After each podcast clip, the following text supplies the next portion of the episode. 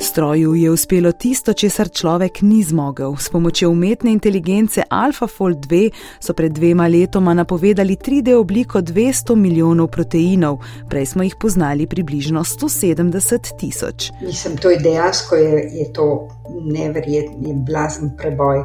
Prve strukture proteinov so bile določene v 50 letih prejšnjega stoletja, in hmalo zatem so se začeli ljudje spraševati, kako je lahko iz aminokislinskega zaporedja napovem tridimenzionalno strukturo. Ampak zakaj sploh je pomembno poznati oblike proteinov? Kaj znanstvenikom ena oblika proteina pove o njegovih lastnostih? Kaj sploh so proteini? Beljakovine v prahu, ki so zdaj popularne.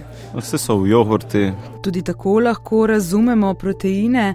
A nas bodo zanimali tisti molekularni stroji, ki nam omogočajo, da živimo, proteini v našem telesu in poznavanje njihove tridimenzionalne strukture. 3D proteini, nimam pojma, kaj je to.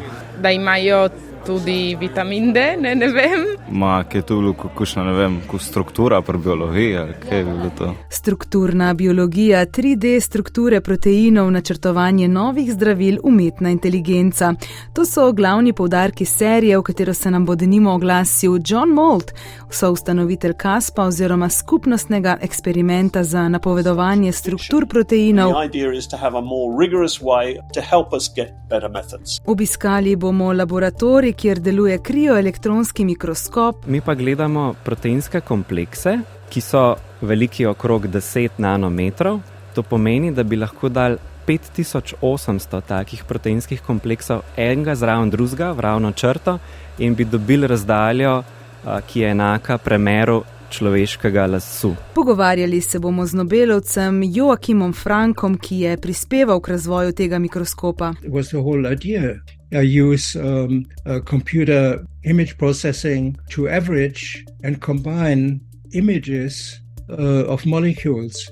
Na Akademiji za umetnost in oblikovanje nam bodo celo natisnili primer proteina in še veliko več novih vznemirljivih stvari iz sveta strukturne biologije bomo spoznali.